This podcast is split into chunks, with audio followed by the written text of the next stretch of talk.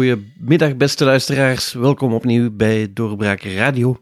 Ik ben Dirk Laremans, een van de kernmedewerkers van Doorbraak. En wij zijn vandaag op bezoek bij uh, Frederik de Pauw. Frederik is een uh, fiscaal adviseur van beroep, maar hij heeft in heel wat media al wat uh, gepubliceerd. Alles omtrent het fiscaal systeem, openbaar financiën enzovoort. Frederik, welkom. Goedemiddag. Frederik, het zal u waarschijnlijk niet verwonderen dat er vandaag veel gesproken, wordt over begrotingen. Dat moet u plezier doen dat er eindelijk eens wat gesproken wordt over de begroting. Ja, inderdaad. Uh, de deadline van Europa voor het indienen van een begroting komt uh, dichterbij. Er zijn ook uh, de recente regeerakkoorden, waar toch ook wel een bepaalde keuze is gemaakt over uh, begrotingen. En er zijn ook recent wat politici die zich uitgesproken hebben over het al dan niet problematisch zijn van onze staatsschuld. En dan denken we natuurlijk meteen aan Geens, die gezegd heeft dat het altijd een probleem was, altijd een probleem zal blijven en dat we dus ons niet zo druk over moeten maken. Ja, hij deed mij een beetje denken aan Guy Matteau, zaliger, die eind jaren 70 vertelde dat de staatsschuld vanzelf was ontstaan en ook vanzelf weer zou verdwijnen. En het klopt natuurlijk uh, wat er wordt gezegd. Zolang je mensen bereid vindt om jouw geld te lenen, is het hebben van heel veel schulden geen probleem. Maar ooit stopt het wel eens. En ik heb geen glazen bol, ik weet niet wanneer het gaat stoppen, maar ik vind het onverantwoord om te doen alsof er geen probleem is. Maar blijkbaar zijn de partijen er toch niet hard mee bezig. We zien allee, alles ontstaan. De Waalse regering stelt het uh, begrotingsevenwicht uit tot 24. De Brusselse regering wil graag wat uh, meer gaan lenen. De Vlaamse regering zit met tekorten en wil een investeringsregering worden. Niemand zit blijkbaar op het idee dat we te veel aan het uitgeven zijn. Nee, blijkbaar wordt men in slaap gewiegd door de gemakkelijkheid waarmee men nog op de internationale markt geld kan ophalen aan zeer lage rentevoeten. Dat klopt. Maar het zou wel eens kunnen zijn het verhaal van het orkest op de Titanic. Maar professor De Grauwe heeft ondertussen laten weten dat we die fetish van dat begrotingsevenwicht, dat we die moeten loslaten. Het, uh, het is allemaal geen probleem met lage rentes. Hoe meer schulden dat we maken, hoe meer geld dat we verdienen. Dat is dan blijkbaar toch niet helemaal juist. Ja, eh, zijn redenering klopt zeker voor uh, privébedrijven.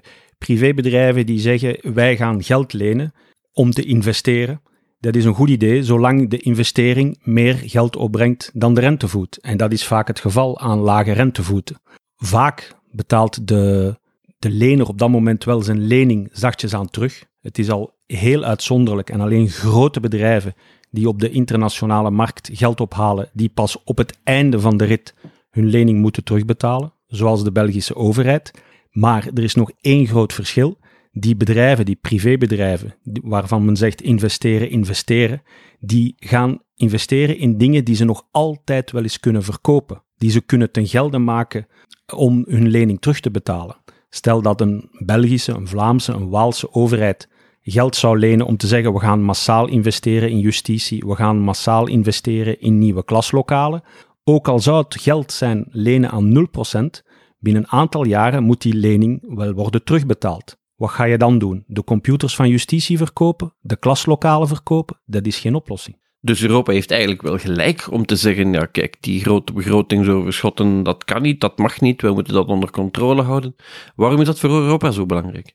Kijk, het is een, het is een deal, uh, weinig mensen weten dat, maar het is een akkoord dat al teruggaat tot 1997. Toen is het Stabiliteits- en Groeipact afgesproken, om uh, een moeilijke term te gebruiken. En toen hebben de regeringen beslist, kijk, we gaan ons begrotingstekort beperken tot 3% van het binnenlands product en we gaan streven naar een schuldgraad van 60%. Dat is 22 jaar geleden. Ik denk dat er bijna geen enkel land dat doel heeft bereikt. En we kabbelen verder. Dus ik denk dat Europa hier wel een, een blaffende hond is, maar die heeft in het verleden zelden gebeten. Ik denk dat er eerder een. Het is natuurlijk ook een politiek en een, en een diplomatiek spel dat Europa speelt. Ja, het wordt ook in België gespeeld. Wie Alexander de Croo hoort, denkt dat we gaan verdrinken als we geen begroting hebben of geen begroting indienen in, uh, bij Europa. Dat is de vraag, ja, wat, wat gaat Europa doen? Blaffen, bijten? Wat kan Europa doen? Ja, Europa kan moeilijk in onze plaats een uh, begroting gaan indienen.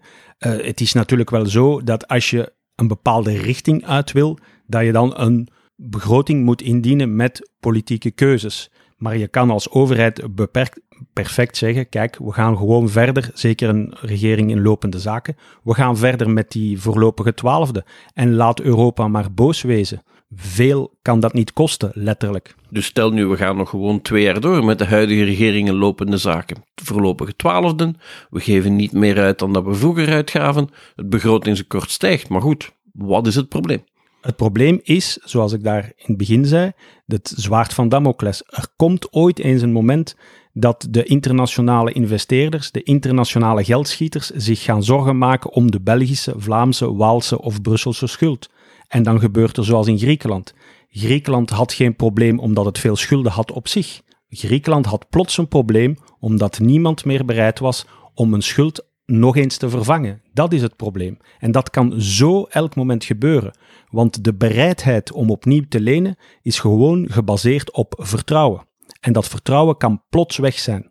En wat doe je dan?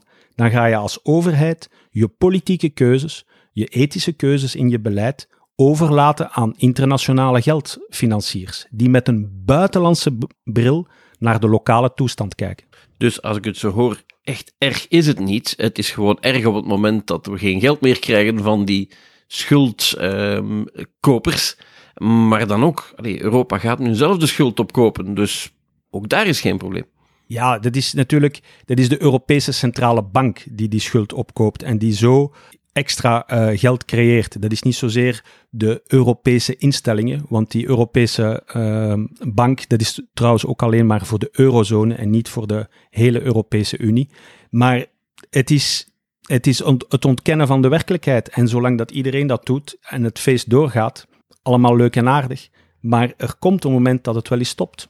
En dat er niemand meer bereid zal zijn aan Vlaanderen of België of Brussel of Wallonië nog geld te lenen. Misschien de eigen inwoners wel die zullen misschien nog wel willen geld lenen. Dat weet ik niet, want als die gaan zien dat de buitenlandse investeerders afhaken, wie gaat er dan nog naar zijn bank hollen voor een staatsbon? Dan zal het vertrouwen ook misschien uh, weg zijn. Ja, uh, dus moeten we serieus gaan besparen, hoor ik u zeggen. Ik denk dat op lange termijn onze, onze huishouding, onze financiële huishouding op orde zetten echt wel nodig is. En dat hoeft geen sociaal drama te zijn. Ik denk, we geven ontzettend veel geld uit en ik denk dat we eens een oefening moeten maken. Alle zaken die de overheid, en dat zijn dan alle overheden in dit land, die wij doen, doen we dat wel efficiënt. En alle taboes, maar ook alle taboes overboord gooien. En ik denk dat we eigenlijk in één grote beweging zouden moeten zeggen van daarin ook de burgers betrekken. Er is altijd een, een vijandelijke relatie tussen overheid en burgers in dit land, zeker qua financiën en belastingen. Maar betrek je burgers en durf eens te zeggen als overheid, zowel gemeente, provincie, gewest, gemeenschap, federaal, beste burger, als wij iets verkeerd doen, grom niet ter plekke, maar kom het ons zeggen. Het klinkt misschien heel wereldvreemd, maar betrek ze erbij. Wat kan er efficiënter? En er kan heel veel efficiënter. Daar dienen verkiezingen toch voor? Daar dienen inderdaad verkiezingen voor. Maar we zitten, dan zit ik op een, een ander stokpaardje. We zitten hier in een land met stemplicht. Dus de, ik ben daar trouwens een hele grote tegenstander van. Je, je wordt als politicus niet genoeg getriggerd om je uiterste best te doen om letterlijk elke stem te verdienen. En we zitten, ik mag het eerlijk zeggen, de gemiddelde kiezer, en dat is niet slecht bedoeld, is financieel ongeschoold. En die heeft geen benul, om het plat te zeggen, van wat er, welk zwaard van Damocles ons boven ons hoofd hangt. Laten we dat maar even opzij houden, dan komen we in Griekse toestanden terecht natuurlijk. Um, maar de Vlaamse regering uh, klopt zich altijd op de borst um, en zegt dat ja, zij het toch wel goed doet. De NVA zegt ja, wij hebben het voor het zeggen in Vlaanderen en in Vlaanderen zal het allemaal wel oké zijn. België en Wallonië, dat loopt de spuigaten uit, maar bij ons is het in orde. Is die Vlaamse begroting wel in orde? Die Vlaamse begroting heeft het op zich makkelijker, omdat we het rijkste gewest van het land zijn. Dus we zitten in een luxe positie, we kunnen ons wel wat meer permitteren. Maar uh, er, zijn, er is al een historisch opgebouwde schuld. Uh, ik zie ook dat men toch weer dat begrotingsevenwicht niet belangrijk uh, genoeg vindt. En we hebben een paar, hoe zal ik het zeggen, een paar. We hebben de Belgische ziekte overgenomen. In die zin, ook de Vlaamse begroting is een kasboekhouding is een boekhouding en we, we gaan kijken wat er dit jaar binnenkomt en wat we dit jaar uitgeven. En we houden geen rekening met toekomstige uitgaven en toekomstige uh, inkomsten. En dan zijn alle trucken van de voor die in België gebeurden, die gebeuren in, in Vlaanderen ook. Een mooi voorbeeld daarvan is bijvoorbeeld, een paar jaar geleden heeft men beslist om de schenkbelasting op vastgoed in Vlaanderen, we zijn daar alleen bevoegd voor, drastisch te verlagen. ja, uiteindelijk ging de, gingen de inkomsten van de schenkbelasting drastisch de hoogte in. Men klopte zich op de borst. Maar wat men vergeet is dat binnen 10, 15 jaar die mensen gaan overlijden en op dat moment geen erfbelasting meer betaald wordt. Dus men heeft de ziekte overgenomen van de Belgische ziekte als het ware. We gaan inkomsten naar, naar voren halen en wat er later gebeurt, we zien wel. Dat is typisch voor politici, niet? Ja, dat is inderdaad typisch voor politici. Maar misschien uh, helpt zo'n podcast er wel toe om eens mensen de ogen te openen. En jij zegt dat we dus putten aan het graven zijn waar we op een dag niet meer gaan uitgeraken. Ik vrees van wel. En dus Griekse toestanden. Als niemand nog aan ons wilt lenen, en dan wat? Dan wat? Dan gaan, uh, dan komt er een, noem het een trojka, of dan eh, gaat de internationale financiële wereld beslissen wat wij gaan doen. Zoals een een, een dealer die aan een junkie zegt: je krijgt nog de volgende portie op voorwaarde van dit en dat en dat. En dat staat te gebeuren. Dat is wat er in Griekenland gebeurd is. Daar heeft men gezegd: oké, we gaan met een internationale bril naar het uh, Griekse huishouden kijken en dingen die ons gek lijken, zoals bijvoorbeeld de belastingvrijstelling voor de Grieks-orthodoxe kerk, die, gaan die gaat u meteen afschaffen of u krijgt geen geld meer. En zo zou het wel eens kunnen dat internationale spelers, IMF, Europa, is met een buitenlandse bril naar België gaan, gaan kijken en gaan zeggen, tja, die Belgen of die Vlamingen, die Brusselaars, die Walen zo wil, die hebben wel vreemde keuzes gemaakt, die eigenlijk, vanuit het buitenland gezien, financieel onverantwoord zijn. U gaat die keuzes veranderen of we lenen u geen geld meer. En dan, hebben we dan kunnen wij niet meer beslissen. Als we zelf zeggen, we gaan ons huishouden in orde brengen, dan kunnen we zelf het ritme bepalen en kunnen we ook zelf de keuzes bepalen hoe dat we dat gaan doen. Ja, een van de dingen die altijd opvalt natuurlijk, is dat, er, uh, dat België vergeleken wordt met Nederland. Nederland heeft een schuldgraad van rond de 60%, België rond de 100%. Uh, hoe hebben die Nederlanders dat geflikt?